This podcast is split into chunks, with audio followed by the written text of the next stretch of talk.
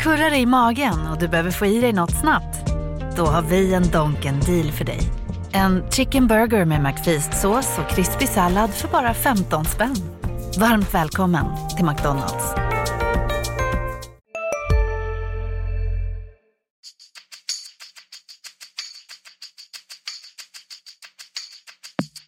Skönt att komma ut och eh, bara lukta gräset. Så det, är, det är fotboll för mig. Nu är jag här och jag är väldigt glad att uh, kunna spela för det laget som jag har närmast om hjärtat. Om att skapa tro, om att tro på det vi gör, jobba vidare och vi ska vara ute där och ska vi leverera. Och det ska vi ju. Basta.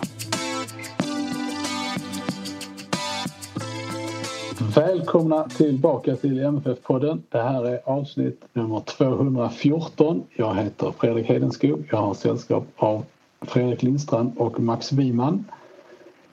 Hej! Eh, hej på er! Hej, Hur hej. har ni det i sommarvärmen?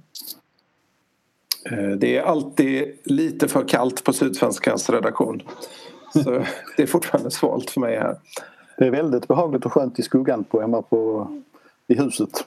Ja, Eh, Men det ska ju bli väldigt varmt i veckan om man säger Ja. så. Men jag är lite nervös. Jag ska, till, jag ska en sväng till Småland och spela golf. Jag är lite nervös för det ska gå där inne i skogen där det inte blåser. ja, det kan bli riktigt hett om öronen är faktiskt. Men det får vi läsa. Eh, nu ska vi istället för eh, väder prata om Malmö FF som ju vid det här laget och sen vi hördes senast har hunnit avverka tre matcher i allsvenskan. Det började med en eh, seger hemma mot Mjällby med 2-0 som följdes av ett kryss borta mot Häcken 1-1 och ännu ett kryss hemma mot Varberg 2-2. Ehm, och man är lite svårt kanske att säga exakt vilken riktning formpilen pekar här men den pekar i alla fall inte rakt uppåt så mycket kan vi säga. Det, det tror jag vi kan vara överens om. Ehm, men om vi börjar med någon sorts övergripande fråga här. Eh, om man försöker sammanfatta intrycket från de här tre matcherna. Vad är MFFs största bekymmer så här långt? Ja, det är väl ganska tydligt att det är egentligen ett bekymmer som har varit eller funnits i ganska många år i perioder här. Ehm, mot lag som spelar, framförallt mot lag som spelar lågt försvarsspel så eh, är MFF väldigt statiskt. Det händer inte mycket. Jag tycker det är alldeles för lite rörelser i anfallsspelet. Det är alldeles för få spelare som skapar någonting på egen hand. Eh, och det kanske har förstärkts då den här... Eh, när man tänker tillbaka till när Jon Dahl Tomasson kom vilket man nästan har glömt vid det här laget, så pratade han väldigt mycket om att de skulle anfalla mycket mer centrerat. Och det kan man ju hålla med om att de gör. Jag vet inte om de anfaller så mycket men de spelar ju väldigt centrerat och utnyttjar inte planen. Eh, och jag tycker det ser ut som ett stort bekymmer där. Ja, jag kan väl egentligen bara om man tittar på det rent spelmäss, spelmässiga så, så det är intressant. Det här är ju eh, det tredje spelsystemet inom en tvåårs inom två år. Eh, vi har Magnus Persson, vi har Ove Rössler och Jon Dahl Tomasson. Och, eh, ja, det, det, men, men liksom själva kärnan i, i, i att komma till avslut mot de här låga försvaren är fortfarande kvar. Eh, Man, man blir för få spelare inne i boxen och, och, och det, det går lite för lång tid till man kommer till, till inlägg också tycker jag. Det var, under förra året så kom man ju kommer ganska ofta till inlägg. Alltså det, var ju nästan, det, det kunde ju nästan vara att det var det enda anfallsvapnet under långa perioder men, men då var man å andra sidan ganska man kom till de lägena lite för sent tyckte jag. Det var inte, det var inte alltid det var en framrusande ytter som kom där utan det kunde ofta vara en stillastående ytter som, som måttade ett inlägg mot ett samlat försvar snarare än att man slår in bollen till ett framrusande anfall som liksom tar ett försvar på hälarna så att säga. Och det som nästan helt har försvunnit, man kommer igång runt någon gång på kanterna men väldigt ofta stannar spelarna och du kommer nästan aldrig ner till kortlinjen och kan spela snett inåt bakåt. Det är, jag, vet inte, jag har ju sett många som har klagat på vad, vad är liksom själva spelidén och det är, eh, eftersom han pratar mycket om principer så, så, så känns det ju som det bara ska vara en massa kombinationer inne i mitten eh, som inte leder någonstans och som sänker tempot och eh, ja, jag vet inte. Det, det, jag tyckte det var sin sak mot Mjällby, det var första matchen. Eh, men sen har ju trenden varit oroande. Nej, precis. Det, är ju framförallt så när, eh, när, när stjärnspelarna, stjärnspelarna inte riktigt kliver fram så märk, då blir systemet liksom väldigt... Då, då syns ju bristerna så att säga på ett annat sätt. Tittar man då på en av de saker som fungerar med Dplay så är de rätt duktiga på statistik. Och jag reagerade på senaste matchen nu eh, var att Malmö hade 19 avslut. Tre på mål. Eh, och då känner man också liksom att det här är någonting som eh, det är liksom inte okej okay, att ha så lite avslut mot mål. Då är det väldigt svårt. Även om han råkar göra två mål i matchen så säger det en hel del. Och det, här är, det är också lite historiskt som vi har sett i perioder, den här typen av bekymmer. Men eh, vad, är det som, vad är det som gör då att de här bekymren finns? Är det någonting som... Alltså jag tänker på... Eftersom vi säger att det här känns igen från tidigare år. Är det så att, att vi har... Eh, att det finns tränare som, som på något sätt underskattar eh, svenskt försvarsspel generellt? Alltså att det är svårare att spela sig igenom låga svenska försvar än vad de tror. Ja, de kanske behöver nya idéer helt enkelt på hur, hur man ska jobba mot dem. Nu ska vi säga det, jag menar Malmö har gjort några fantastiskt bra resultat de senaste åren. Det är inte så att det här har varit konsekvent så här bekymmersamt. Men ja, just, det, just i säsongstarterna har det varit. Ja, det har det gjort. Eh. Sen tycker jag fortfarande att det är lite för tidigt att döma. Nu jag har sagt man kunde göra en första bedömning efter tre omgångar men vänta tre omgångar till så vet man nog mer om allsvenskan. Jag menar man ser på de andra resultaten att det sker konstiga saker. Eh, och matcherna, de jag har sett innehåller väldigt skiftande kvaliteter så att det är ju fortfarande så att det är träningsmatcher nästan för lagen. Mm.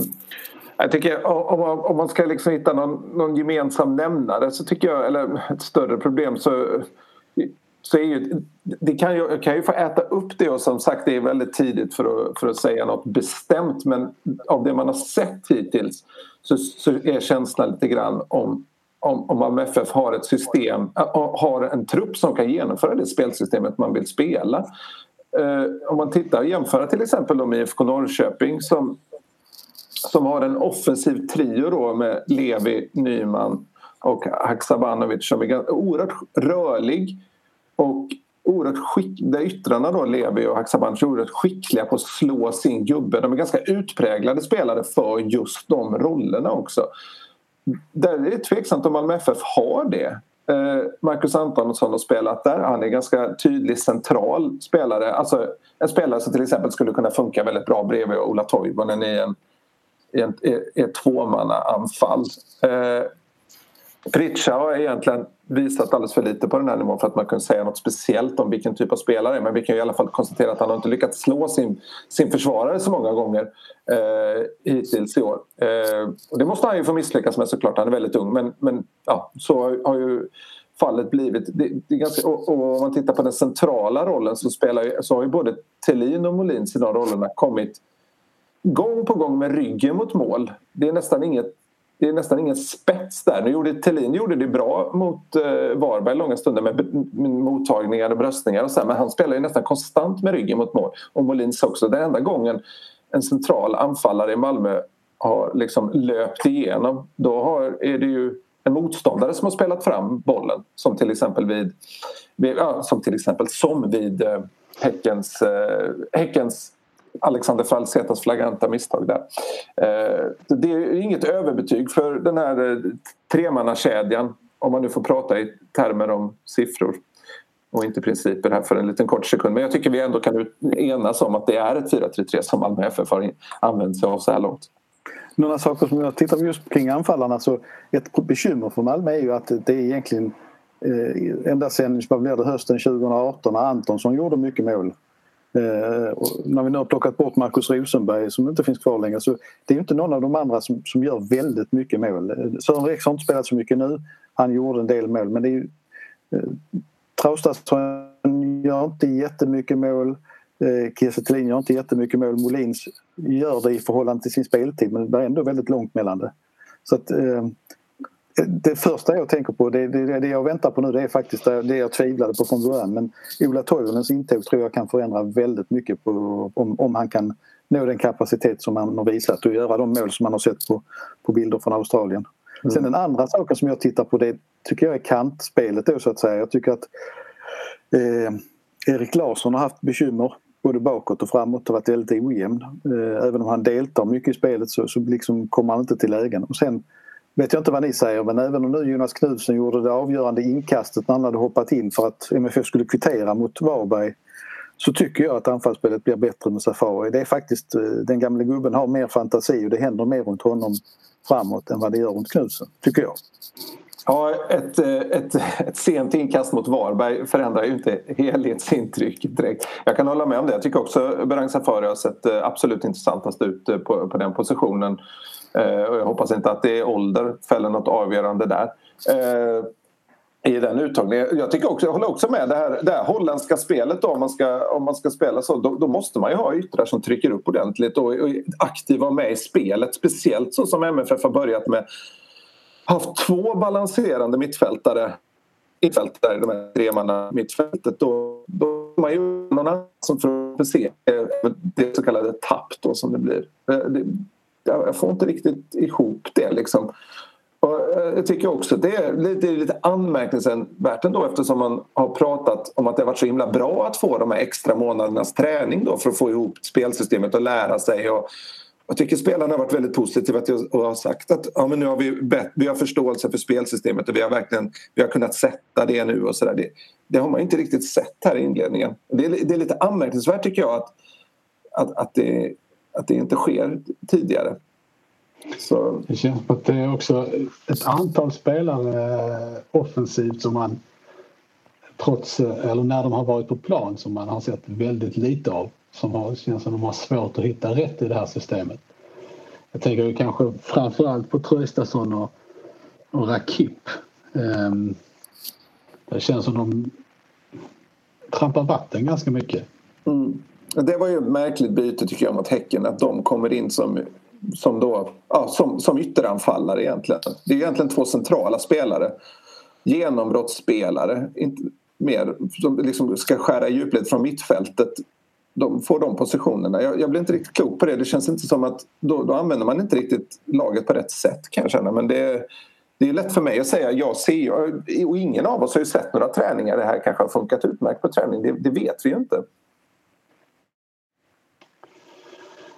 Sen det Fredrik var inne på också det med två balanserande. Nu, nu pratar vi ju i siffror trots att inte eh, Tomasson vill göra det. Men, men eh, jag har också känt det lite anmärkningsvärt att man mot, mot lag som Mjällby och Varberg eh, ska spela med två spelare som ligger ganska lågt. Och jag tycker att Lewicki som jag håller väldigt högt har haft det lite jobbigt och inte hunnit med riktigt i svängarna ändå. Och då har man tappat boll rätt långt ner. Och, eh, det var väl ett bonkebolltapp som bäddade för Varbergs 2-1 mål senast. Mm. Om jag inte såg helt fel. Alltså, det var i och för sig väldigt högt upp i banan men, men eh, det, är det, där, jag, det harmonerar inte riktigt. Bonkinocent har vi pratat om eh, vid flera tillfällen. Jag, jag förstår fortfarande inte att min, min åsikt om honom skiljer sig så mycket från, från tränarnas. Alltså att använda om man nu ska rotera här, vilket ju är absolut nödvändigt med tanke på spelschemat, då är det ju inte hemma mot Varberg som Bonkinesen ska spela. Nej. Han ska spela borta mot AIK kanske. Eh, alltså han, får, han har, hade ju otroligt mycket boll mot Varberg men, men i det spelet bidrar han ju inte. Det, det går långsamt och det och det hittas inga eh, lösningar alls. Han stod några passningar framåt men sen när Oskar också när han spelar eh, är rätt så defensiv i sina passnings, sitt passningstänk så, så blir det ju låsningar och jag tycker att Malmö måste spela mycket mer i djupet. Och det var det jag skulle faktiskt sagt innan den tappade och det som jag tyckte hände mot slutet mot Varberg för en annan sak som inte riktigt har fungerat tycker jag har varit bytena i match och det är ju en gammal MFF problematik att det inte, trots många byten så händer inte så mycket. Men jag tyckte att Kiese Thelin kom in mer i spelet när man började lyfta lite långt och då började laget dra sig sönder lite mer. Alltså Varberg. Eh, för att han fick chansen att ta emot boll och, och fördela lite grann. Mm. 2014-style lite grann på det där. Men det kräver ju också att han har en, en spelare bredvid sig om man ska spela på det viset tycker jag. Det, det blir, jag tycker att Alternativt att de yttrarna drar sig väldigt centralt inåt då. Men då, då kom, för att liksom så att Thelin har någon att sätta bollarna på så att säga för han kan inte skicka dem långt ut på kanterna på ett tillslag liksom. Men där är ju problemet att Sören Rex är ju ingen anfallare. Om vi ska ta den ena som spelade bredvid där då. Så det... Sen, som sagt låter vi väldigt negativa nu igen och det får vi säkert kritik för men, men eh, det är väldigt tidigt och vi har sett på de andra. Det är bara Norrköping som egentligen har funkat fullt ut skulle jag vilja säga. Eh, alla andra lag har ju haft bekymmer i minst en match var. Mm. Eh, tar man bort Norrköping i tabellen så är den ju galet jämn egentligen efter tre omgångar. Jämn på ett sätt som det nästan aldrig brukar vara. Ja, nej, men man, kan, man, kan, man kan väl få tycka att vi är negativa i detta läget men det känns som att Alltså hade vi pratat efter två omgångar hade jag inte haft så mycket. Som Mjällby, det var en, det var en premiärmatch. Det var det. Var det. Eh, det blev ändå, eh, det blev ändå 2-0.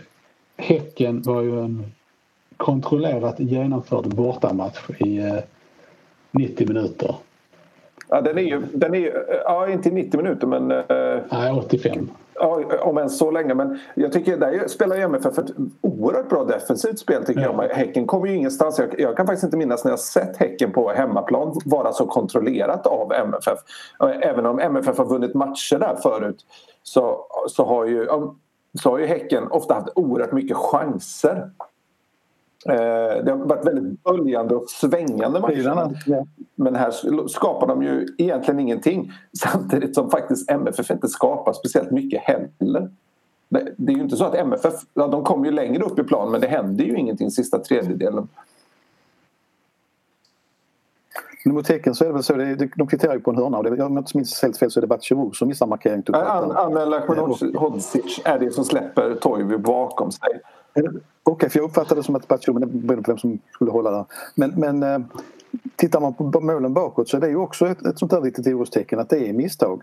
Erik Larsson, misstag mot Mjällby. Eh, till exempel. Bonke ett bolltapp mot Varberg.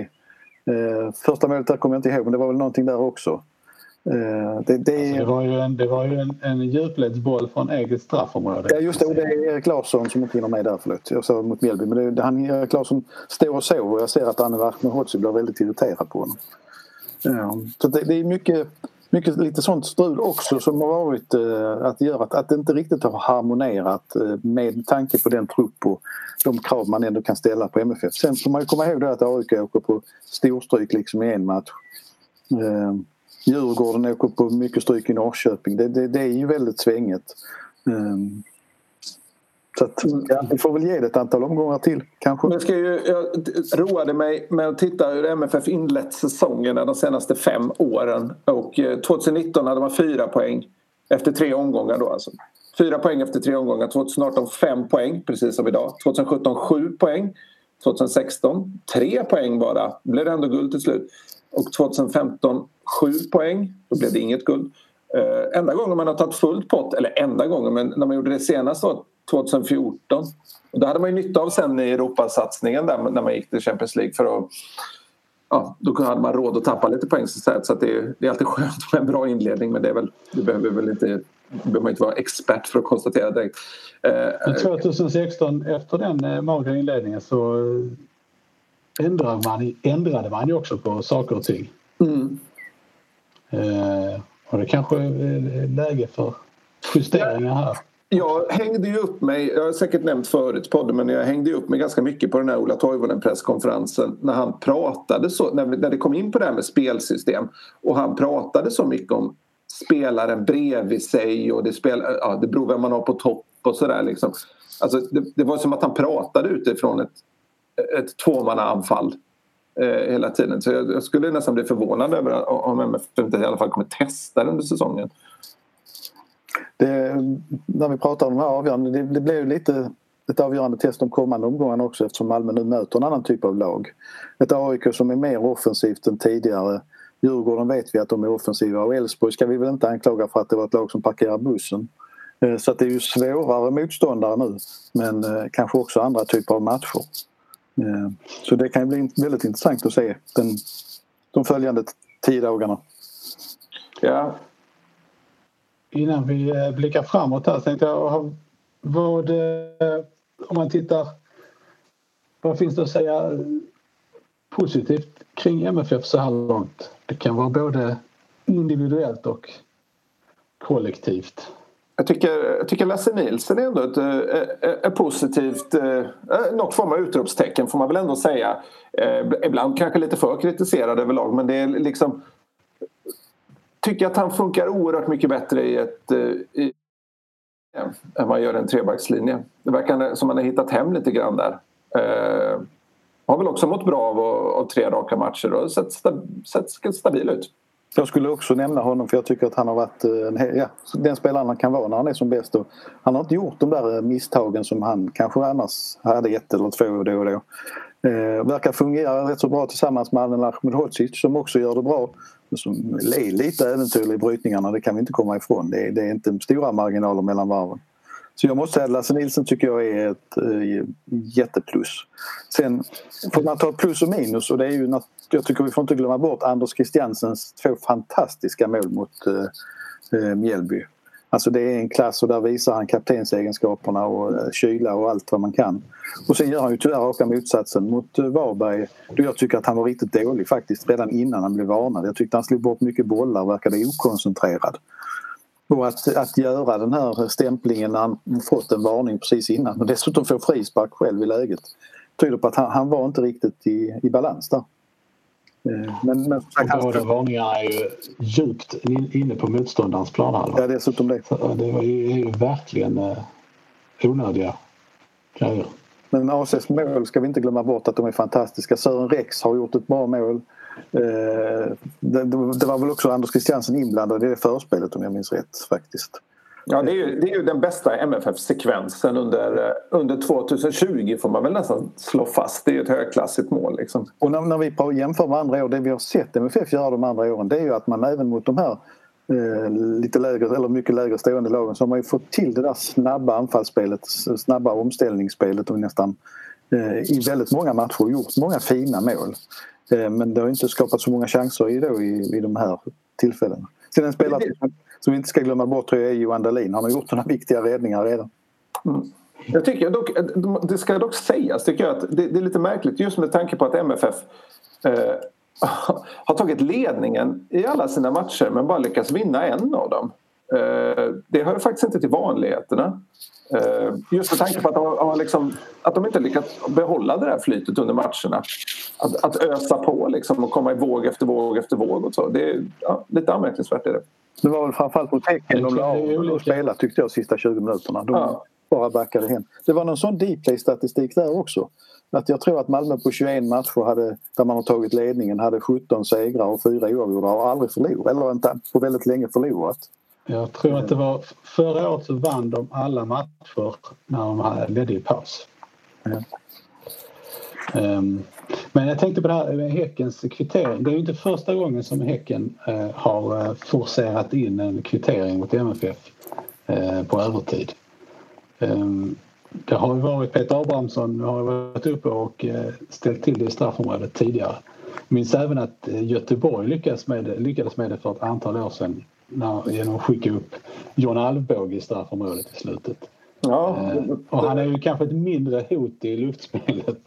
Men, men det, det känns som att det är Även om det händer ganska sällan så är det nog någonting som MHF ändå borde lägga lite tid på att fundera på hur hanterar vi de här situationerna för att de, de hamnar ju, det blir ju att de räknar fel.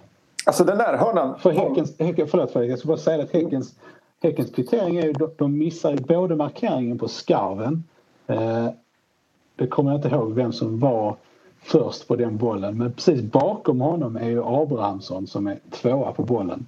Och sen så då Ahmed Hodzic som tappar bort eh, Toivo som, som gör målet.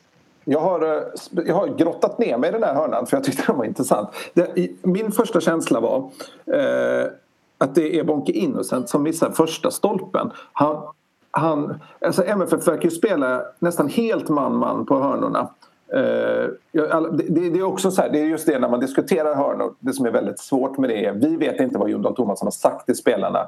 Vi vet inte vad de har tränat på.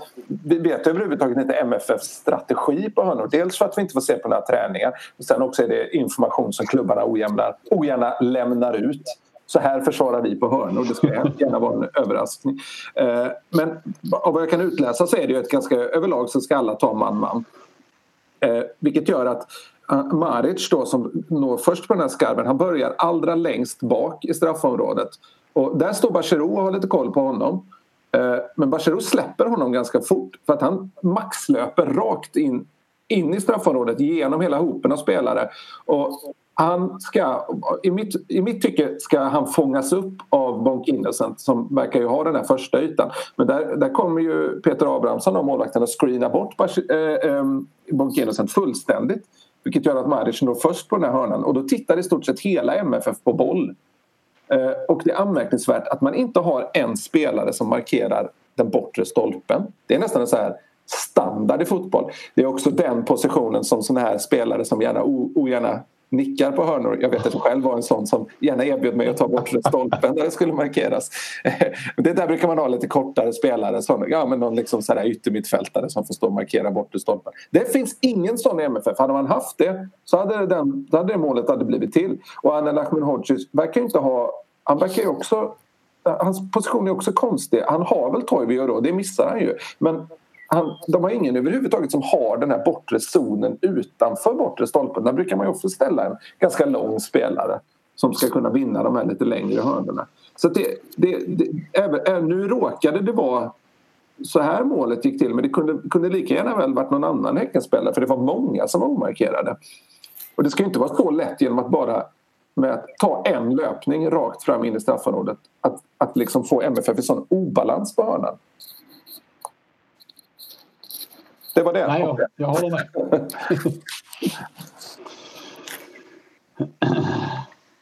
Eh, om man tittar på, eh, på laguttagningarna och rotationerna hittills. Eh, jag har ju redan uttryckt min tveksamhet till hur man använder Bonk Innocents styrkor och svagheter. Har ni, har ni några andra synpunkter på hur, hur laget har formerats hittills? I backlinjen har det varit väldigt... Vi är specialister på det vi gör, precis som du.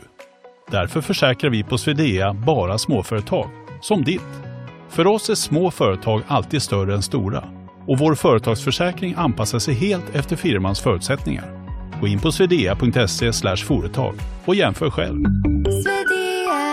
Hej, Synoptik här. Hos oss får du hjälp med att ta hand om din ögonhälsa. Med vår synundersökning kan vi upptäcka både synförändringar och tecken på vanliga ögonsjukdomar. Boka tid på synoptik.se. Få möjligheter att, att göra någonting. Jag tycker fortfarande som sagt att Safari går före Knutsen för mig. Eh, jag skulle vilja se honom få, få mer speltid. Eh, jag skulle nog, samma som du Fredrik, eh, inte ha Bonko och Lewicki inne samtidigt i alla fall framåt är det svårare eftersom det inte har klaffat riktigt för någon. Och vi vet att Traustason har varit borta på grund av en, en hjärnskakning. Eh, så att eh, lite, där tycker jag det är lite tufft. Jag vet inte riktigt vad jag tycker. Jag tycker generellt sett att, eh, att MFF ska akta sig att lyssna för mycket på den medicinska expertisen. För i ett sånt här fall så vet man ju det, ja, det finns en bristningsrisk och det finns risk att spelarna blir slitna och vi måste tänka det långa loppet. Jag vet inte. Det, spelarna vill spela fotboll, de gillar att spela fotboll. Okej, okay, det kanske finns någon pulsklocka som säger att den där spelaren inte löpte lika mycket som i förra matchen. Men är det en formstark spelare så visst, den kan väl få vila lite även under matcherna. Det handlar ju mer om att sätta ett grundspel än att maximera antalet löpmeter eller vad det kan vara. Jag vet inte. Om man tittar på vilket lag, det laget, ett av de lagen som har roterat absolut minst det är IFK Norrköping. Det kanske, kanske kommer kosta dem om några omgångar, det vet jag inte men, men det har ju betalt sig i poäng just här och nu. Eh, och det kan jag ju känna är det absolut viktigaste i en säsonginledning egentligen. Eh, så får vi se, det, det, det kanske visar sig att att MFFs stora trupp då kommer ge det här utslaget sen i november när det blir jobbigt. Det vet jag inte men jag, jag tycker generellt sett att man inte, inte ska rotera för mycket. Det menar de, det, och också liksom att man inte kastar för mycket mellan, mellan var och varannan match. Nu har ju MFF inte gjort det. Den andra elvan, Häcken-elvan, var ju nästan exakt likadan som den första elvan. Det var väl bara på en position man, man bytte. Så, ja. Jag tycker det är svårt för jag tror samtidigt handlar det om att eftersom du inte har haft några träningsmatcher så måste du få igång fler spelare. Mm. För du hinner inte heller träna mellan matcherna och det tror jag är någonting man lätt glömmer bort. Eh, jag ser att Ola Toivonen har ju liksom ondgjort sig lite grann över det. Jag tycker inte att någon ska klaga över spelschema och så vidare egentligen men det är klart att en ny spelare som inte har varit med under den här långa försäsongen det är den som förlorar mest på det. Det, det är väldigt lite ordentliga träningar. Eh, så att eh, jag, jag tror fortfarande jag kommer tillbaka till det att det är nog lite tidigt att döma för mycket här nu att man det är fortfarande försäsong fast på ett annorlunda sätt.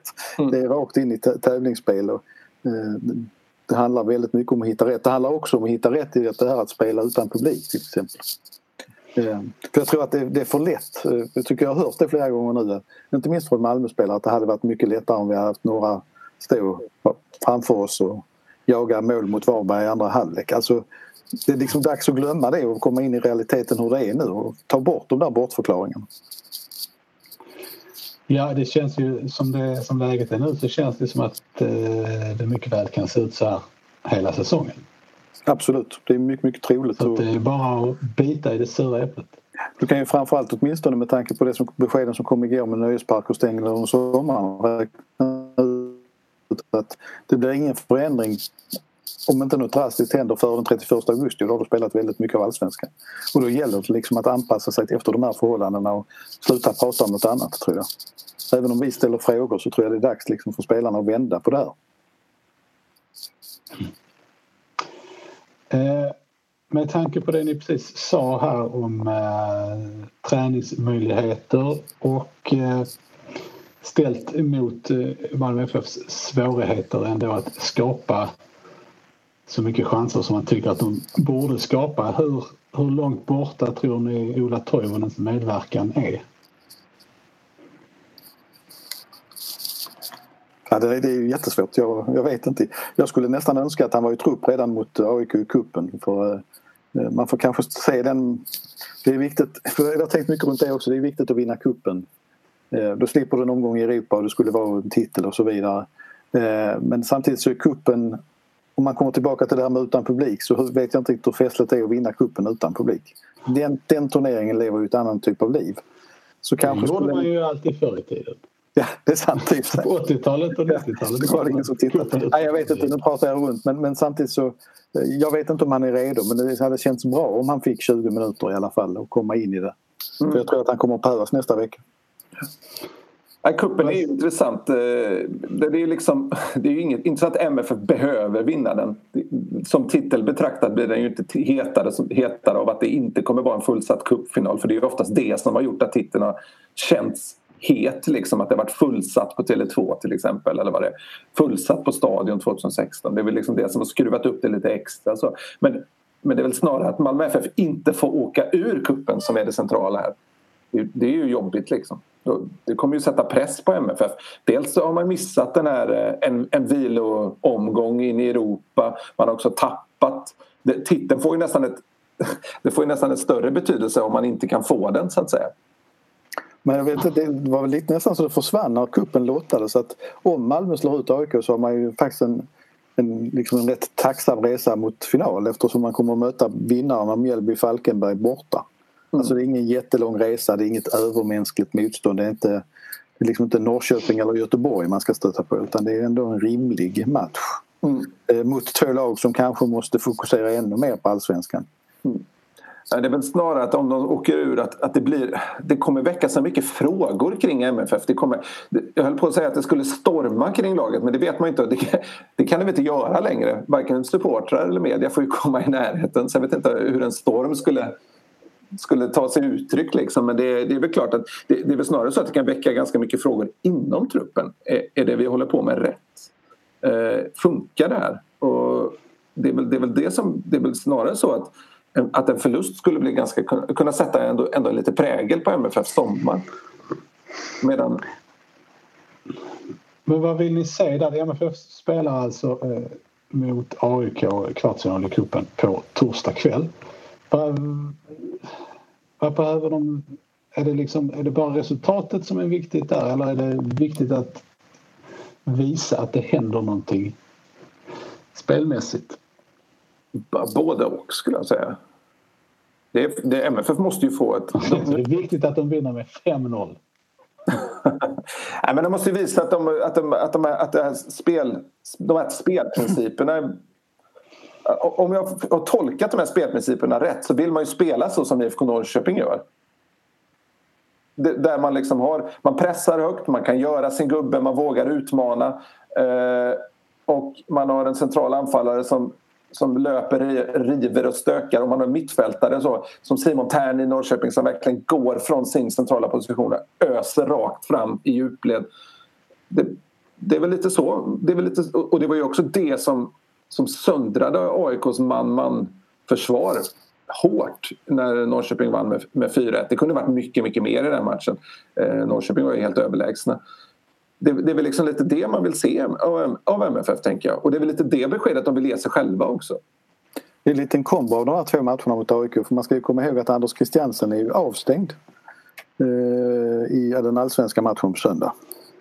Eh, och då kan jag resonera så här att då tycker jag nog att det är viktigare att få se ett riktigt bra spelande MFF vinna i kuppen och så kanske ett mer gnetande MFF i allsvenskan. Därför att som jag skulle... Johan Dahlin är väl den spelare som inte får bli skadad i första hand.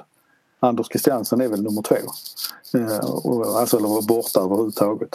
Och därför tror jag att det kommer att bli en betydligt tuffare match även utan publik mot AIK i Allsvenskan på söndag utan Christiansen. Så att eh, på, på torsdag vill jag nog se ett riktigt bra MFF som manövrerar ut AIKs man-man försvar med mycket större rörlighet än vad vi har sett hittills. Mm, för rörligheten blir nyckeln mot AIK. Det, är liksom, det var ju det som till stor del skilde, om man tittar på AIKs två senaste matcher som är verkligen så heaven and hell. Det, där är ju Norrköping oerhört rörligt och sliter isär de här. De, I och med att eh, yttrarna rör sig mycket på sig så måste mittbackarna följa, AIKs mittbackar följa med där. Och då, då blir uppstår jätteytor centralt eh, för AIK medan Hammarby var liksom försiktigt och, ja, stod, och passivt och, och, och lät AIK AIK kunde spela mycket mer metodiskt och disciplinerat där. Och då, då hade ju, då, så fort en av eh, Hammarbys bästa spelare fick bollen så hade de ju oftast kändes det som Per Karlsson i ryggen. Per Karlsson då som gick in i, efter att ha varit bänkad två matcher. Så det, det känns som att han gör, sina, gör sin start mot MFF på torsdag också. Hur... Um, vad är det några andra några andra spelare som, som behöver kliva fram här. Jag tänker framförallt i, i första, alltså i cupmatchen. Finns det, vi har, det finns ju många formbesked som, som har uteblivit men är det några särskilda som som ni tänker på att visa någonting med tanke på konkurrens i, i truppen och sådär? Ja, det är väl framförallt eh, de offensiva spelarna när Toivonen kommer sen. Då kommer han ju i grunden kanske vara första valet då känns det som. Och där, där gäller det att utmana honom då. Det är ju viktigt för spelare som Molins, Pritcha, Traustason också, Rakip och de här. Där måste liksom, ingen som direkt har tagit för sig kanske så som man det, det, är, det är konstigt. Det är oerhört bra allsvenska spelare liksom som är, ja, de väntar väl på, på det riktiga lyftet liksom. Mm. Jag kan bara hålla med. Det borde, det borde hända mer där framme. Liksom. Det är, jag tycker att spelare som, ja AC då har vi pratat om. Batcherou visar stundtals liksom vilken kapacitet han har. Han löper ju ganska mycket också. Ehm, Eh, Bonke gjorde det okej. Okay. Eh, Oskar sådär. Men det är där framme. Och backlinjen har vi pratat om att det, det mesta har fungerat där. Så att det, det är där framme. Det, det, det, är faktiskt ett stort frågetecken att man inte får ut mer av alla de här spelarna. Eh, vi landar kanske i... Uh... Kan man mäta fram och tillbaka? Mår de dåligt av konkurrensen? Jag vet inte. Nej. Ja, det kanske är principerna som behöver justeras. Eh, nu tänkte jag att vi skulle lämna Malmö FF och eh, prata lite grann innan vi slutar om, eh, om allsvenskan i övrigt så här långt. Eh, lite snabba frågor som ni får turas om och eh, svara på helt enkelt. Eh, och jag börjar med att vända mig till Fredrik och fråga är Norrköping en guldkandidat på riktigt i år? Ja, det får man väl slå fast. Eh, jag tror att eh, Sead Sabanovic, de köpte ju loss honom bara dagar innan premiären. Och när vi levererade våra allsvenska tips så visste vi inte detta. Då trodde vi att det var ett lån som skulle gå ut dagen innan. Jag, eh, jag säger detta för att bortförklara mitt, eh, min sjätte placering på, IFK Norrköping. Den borde kanske vara bättre. Eh, men för, inte bara, för Haksabanovic är oerhört viktig, inte bara för lagets spel som så utan för hela liksom, klubbens självbild. Det här var en satsning av IFK Norrköping. De visade vi vill vara med där uppe. Det, för det, det är klubbens, om jag förstår rätt så är det klubbens dyraste affär någonsin någonsin. Eh, eller man säger inte dyraste, man säger största. Eh, och, eh, jag tror att det var, mycket för hela laget hur man bröstar upp sig och så. Sen har de mycket formstarka spelare. Simon Tern har ju varit makalöst bra i inledningen. Men eh, jag, jag, tror också att mycket av deras förklaringen och den kanske man underskattade lite med tanke på vilken säsong det är. De har haft en tränare som har varit där länge Eh, Jens Gustafsson har alltså satt ett grundspel som det är lätt att komma in i för spelarna trots att man har många. Och just att ha ett tryggt grundspel tror jag är oerhört viktigt när man inte har fått en ordentlig försäsong med matcher. Nu, då finns det i alla fall någonting att förhålla sig till. Man vet vad man ska spela. Det är ju då att jämföra med MFF som faktiskt inte fått så mycket matcher. Där är det svårare. Där får man begå, begå misstagen i skarpt läge så att säga. Och det blir, det blir såklart svårare då. Men eh, jag tycker också, det, det, där, där straffade sig lite. MFF är ju längst fram i Sverige på väldigt många sätt sedan, sedan Champions League-pengarna kom in 2014. Man är, man är en proffsigare klubb, man har mer namnkunniga spelare och man har dyrare trupp och ligger i framkant på väldigt många sätt. Men, men, men taktiskt, ja, det vet jag inte riktigt om man har dominerat. Och där lider man nog lite av att faktiskt ha bytt tränare så mycket det, det, är inte så att MFF står för den mest moderna spelidén i allsvenskan. Man står för det mest moderna tänket på väldigt många, många plan. Men just där så kanske, då kanske Norrköping är, är längre före, i alla fall sett ut så hittills. Långt svar. Ja. Vi vänder mig till Max. Ja, ja, Max, du ska få prata lite mer om AIK även om vi har varit inne på det här. Alltså, Norlings Eh, snack om eh, offensivare satsning till trots så av det man sett AIK, av AIK hittills så verkar de ändå trivas bättre när man inte behöver driva matcherna på samma sätt. Nej, jag, jag ska erkänna, jag har inte sett tillräckligt mycket av AIK riktigt för att jag ska våga säga för mycket. Men jag, jag tror lite grann så här att AIK är en stor klubb med stora krav på sig som behöver vinna allsvenskan. Eh, och det har visat sig liksom lite för många år att man har varit nära, man har varit uppe tvåa, trea men inte nått längre. Och man har inte lyckats i Europaspelet heller. Eh, så jag tror att någonstans har det varit en nödvändighet att man måste prova att byta riktning för att man inser kanske att man inte riktigt kommer längre där man är, med det man har försökt.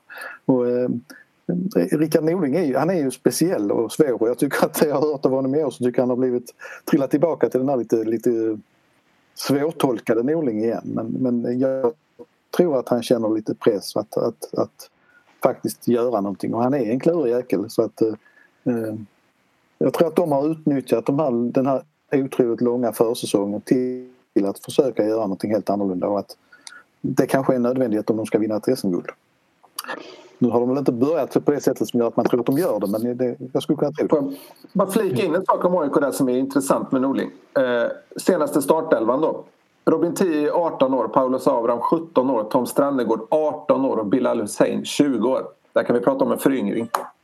Och att faktiskt ge sina spelare, trots förlustmatchen mot Norrköping innan, att faktiskt ge dem förtroende matchen därpå. Coolt. Fredrik. Ja. Va varken Helsingborg eller Östersund har gjort mål än och ditt nedflyttningstips ser oerhört gediget ut. Ja, precis. Blåsa av allsvenskan. eh, ja, vad ska man säga? ÖFK känns som en produkt av turbulensen i klubben, tror jag. Och det är liksom inte den typen av turbulens som som binder samman ett lag riktigt. Eh, det är inte det här sista natten med gänget-känslan direkt utan det, var, det liksom fallit isär över tid. Men eh, kanske mer intressant ur vår synvinkel att kika på HIF som, som efter de två första matcherna kändes, sig, kändes sig liksom i fritt fall nästan. Eh, blir det ett, ett fall framåt då istället mot Elfsborg. Och eh, kul för den här. Det är också lite kul att eh, klubbens unga spelare släpps fram. Gigovic har spelat alla matcher och eh, mittbacken Kasper Videll har, har gjort det helt okej okay, liksom. Helt grönt slängs in i allsvenskan. Men, eh, men samtidigt är Elfsborg hemma. Konstgräslaget Elfsborg hemma på sitt gräs. Det känns som en match som HF ska vinna för att ja, det är väl precis den typen av match de ska vinna. Och, ja, det, det, det, känns, det känns ju inte så harmoniskt. Vad gör Olof Mellberg direkt efter matchen? Han går ut och sågar spelschemat som om HF vore det enda laget som spelar mycket matcher den här närmsta tiden. MFF, alltså åtta allsvenska lag, hälften går in i kuppen den här veckan och får en extra match under den här perioden. HF är inte ett av dem. Ändå är det HFs tränare som basunerar ut det här. Jag vet, jag vet, inte om det var taktiskt rätt när de har tagit sin första poäng. Liksom. Det är nästan som att, det är nästan som att legitimera att de förlorar. Något sätt. Jag tycker det är märkligt. Två saker där om jag får reflektera. Så jag satt faktiskt satt mig och tittade på hela HF-matchen igår. De, det de väl måste vara nöjda och, och vann igår så att säga det var att de var rätt täta bakåt. Tyckte att Martin Olsson gjorde en eh, skapade en trygghet där liksom. men däremot så skapade de i princip ingenting framåt. Sen det som du är inne på Fredrik, alltså det är ju, nu, nu låter jag som en PR-man för svensk elitfotboll men om man nu har fått för sig och bestämt sig för att man ska spela hela allsvenskan 30 omgångar på den här tiden så gäller, får faktiskt tränarna hålla tyst och bara svälja det här spelprogrammet och inte hålla på och älta om man får en dags mer vila här eller där. Eh, för det blir bara fånigt. Det blir liksom inte legitimt. Alla har varit med om och lagt detta upplägget och då får man faktiskt... Eh, det är lite grann som att, att spela utan publik. Liksom, släpp det nu. Vi lever i en värld som inte liknar någonting annat vi har upplevt under vår levnadstid. Eh, det är liksom hög tid att inse det att det är ett privilegium att fotbollsspelarna faktiskt kan spela sina allsvenska matcher. Att tack och lov det inte finns några coronasmittor som, som stör i, i lagen och att eh, vi runt omkring får möjlighet att följa fotbollen. Och där kan jag bara skicka in en extra passning till och det är eh, spelarna bör tänka på det här att vara förebilder vad det gäller social distansering och det har varit väldigt mycket high five och klappar på kinderna och sånt här. Och, eh, jag, jag tror det är superviktigt att, att eh, genom att det vi ser i tv visar att det här är inte över. Det var ett sidospår. Generellt sett så kan jag tycka att den typen av kritik som Olof Mellberg slänger ur sig är kanske bättre då när spelschemat släpps innan matcherna har spelats och HIF har förlorat dem. Eh, det, det, det liksom väger lite tyngre då. Det var som Marcus Rosenbergs konstgräskritik. Det kom efter en match mot Sirius som Malmö FF hade vunnit på konstgräs. Då väger liksom kritiken lite tyngre kan jag känna. För det är, det är liksom inte bitterhet i det. Eller det är klart att Marcus Rosenberg är bitter på konstgräset men ja, det kommer inte efter en förlust i alla fall. Det är lite ironiskt att han nu liksom har satsat på en, inte aktivt, men att han investerar i en sport som till 100 procent utspelas på konstgräs. Eh, det är ingen som har pratat om det riktigt. Märkligt. Ja, Max, det har varit många oväntade resultat så här långt. Är det bara beroende på bristen på försäsong? Och hur länge kommer det se ut så här? Ja, jag tror att det är till 90 procent beroende på att det inte har varit någon vanlig försäsong. Eh, och jag tror att det kommer att vara så här länge. Eh, dels då eftersom det inte kommer att vara publik på matcherna och lagen uppenbarligen eh, påverkas av det men också för att det kommer att slita udda på trupperna. Det kommer att handla väldigt mycket om avstängningar när de kommer, när skador kommer och hur hårt det drabbar. Jag menar, vi kan prata hur mycket som helst om Malmö FFs breda trupp men tänk tanken att Lasse Nielsen skadar sig och Arnel blir avstängd. Då plötsligt har till och med Malmö ett bekymmer att reda ut även om man säkert löser det. Så att, eh, sen det som mest imponerande så här långt är väl egentligen Varbergs byte av nio spelare till matchen mot Malmö. Eh, Eh, det visar ju att det går med, eh, men det kanske var för att de inte riktigt trodde på det nästan. Att de kunde spela väldigt avslappnat. Mm. Men jag, jag, tror det kommer att sitta i länge. Jag tror det kommer, kommer att dröja länge innan vi faktiskt vet vilka som är topplagen i Allsvenskan. Om inte ett lag rusar ifrån, vilket man det ska, ska komma ihåg att när en serie blir väldigt jämn, om ett lag liksom lyckas tuffa på och vinna eh, då kan man få ett ryck som Malmö fick för några år sedan. Just nu ser det bara ut att vara Norrköping som skulle kunna göra det rycket om man ska vara ärlig. Mm. Fredrik, är pressen för stor på Hammarby? Nej, det tycker jag inte. Eh, den har man väl delvis varit med och skruvat upp själva när Zlatan, denna delägare, gick ut och sa att man ska bli störst i Skandinavien. Då får man väl leva med att, med att folk kanske väntar sig att man ska i alla fall vara bäst i stan. Eh, men det är man ju inte. Nej, därav frågan. Ja, precis. Men pressen är definitivt inte för stor. Det tycker jag Hammarby visade upp det bästa offensiva spelet och gjorde överlägset flest mål i allsvenskan i fjol. Eh, så att pressen finns där är normalt. Sen har ju offensiven inte riktigt funkat eh, hittills. Eh, svårt, att, svårt att analysera varför tycker jag. Jag tror man kan ha underskattat betydelsen av Nikola Djurdjic för Hammarby. Dels passningsmässigt men också liksom vinnarskallemässigt. Eh, Paulinho har ju varit ja, helt okej okay hittills men han har inte alls visat upp samma liksom, pondus som Serben gjorde. Eh, skulle dock bli överraskad om de inte kommer igång. Eh, de har, jag kika, de har Mjällby borta, gräsmatch. Det var inte deras favorit förra året. Sen har de Varberg hemma, den borde de lösa. Eh, om inte någon, någon spelare tar ett tidigt rött kort då förstås. Sen är det Häcken borta, det blir svårt. Så det blir spännande att se vad Hammarby tar vägen. Max, vi har nu sett tre omgångar av Allsvenskan utan publik. Hur kul är det egentligen? eh, hur ska jag svara på detta? Så det inte blir fel. Det är, klart, eh, det är klart att det är mycket roligare med publik generellt. Självklart. De här första matcherna är väl som, som en del spelare har sagt, alltså det visar hur mycket supportrarna betyder för allsvensk fotboll. Betyder för fotboll överhuvudtaget men inte minst i Sverige. Eh, så självklart så betyder det en hel del. Men nu har jag sett, bara sett en match på plats på stadion eh, och de andra på tv. Och, eh, jag tycker att ändå tv-upplevelsen... Jag var överraskad att det gick så bra som det gjorde på stadion att fokusera på matchen. Och nu har jag ändå tjuvtränat rätt mycket och tittat på tyska matcher som var de som gick igång först. Jag tycker att man vänjer sig. Jag tycker att det har gått bra att titta på tv-matcherna. Jag tycker att flera av dem har hållit rätt så hög kvalitet. Eh, HIF Elfsborg var ett undantag, den var extremt dålig tyckte jag. Men, men generellt så tycker jag att det funkar bra och jag framförallt tycker jag att vi måste tycka att det funkar bra annars blir det väldigt tråkigt. Eh, det här är det som står till buds nu eh, och eh, där jag kan däremot tycka att klubbarna kanske skulle gjort mer och det kan låta lite löjligt men de här kringgrejerna runt allsvenska matcher tycker jag har lyst i princip helt med sin frånvaro. Malmö FF hade på första matchen, jag förmodar även på andra, det här att eh, man hade tagit emot inspelningar av hymnen och satt ihop precis som man har gjort på tv-reklam. Det eh, funkade ganska väl. Eh, man har hängt upp lite banderoller på ena kortsidan men jag vet inte, jag skulle... Jag, jag, kan inte peka exakt på vad jag skulle vilja ha men jag tycker att det känns som att det är lite avslaget i försöken att liksom peppa allsvenskan. Men har inte det lite med tidsperspektivet att göra? Tänker jag, man inte liksom ser något riktigt slut på detta. Eh, det är lättare att liksom kraftsamla för den typen av initiativ om man vet att det handlar om tre, fyra, fem matcher. Då kan det ju bli liksom... Det är mycket möjligt.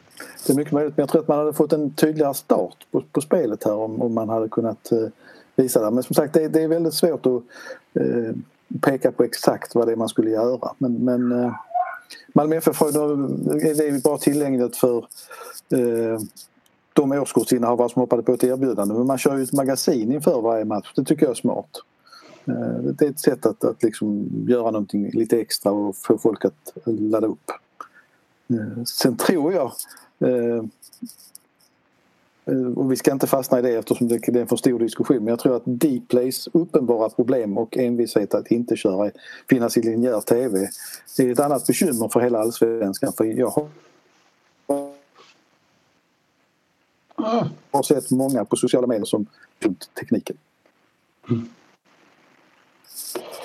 Det var ett sidospår från det här med publiken men jag, jag är helt övertygad om att vi kommer få leva med det ganska länge, kanske hela säsongen. Eh, hoppas naturligtvis att det blir bättre än så men, men det är upp till oss själva att, att, att ta emot det och fotbollen är faktiskt viktigare både för, som underhållning, eh, som spänningsmoment och för klubbarna än att eh, supportrarna enbart ska tycka synd om sig själv. Jag tycker inte riktigt det är rätt läge att göra det. Då får det vara slutorden för den här gången. Vi återkommer eh, inom en ganska snar framtid när tillfälle bjuds och eh, spelschemat tillåter. Det här har varit avsnitt nummer 214 av MFF-podden där vi anser att konstgräs ska förbjudas i svensk elitfotboll. Jag heter Fredrik Hedenskog, jag har ett sällskap av Fredrik Lindstrand och Max Wiman och ansvarig utgivare är Jonas Kanje. Tack för oss, hej hej! Hej då! Hej då!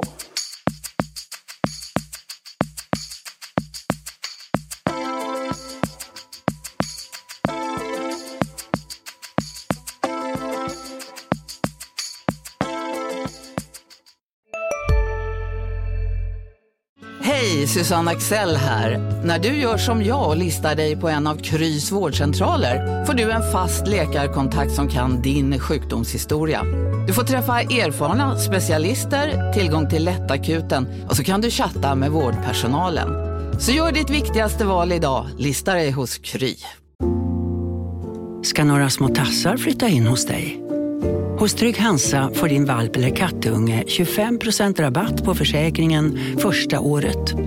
Läs mer och teckna djurförsäkringen på trygghansa.se. Trygg Hansa, trygghet för livet.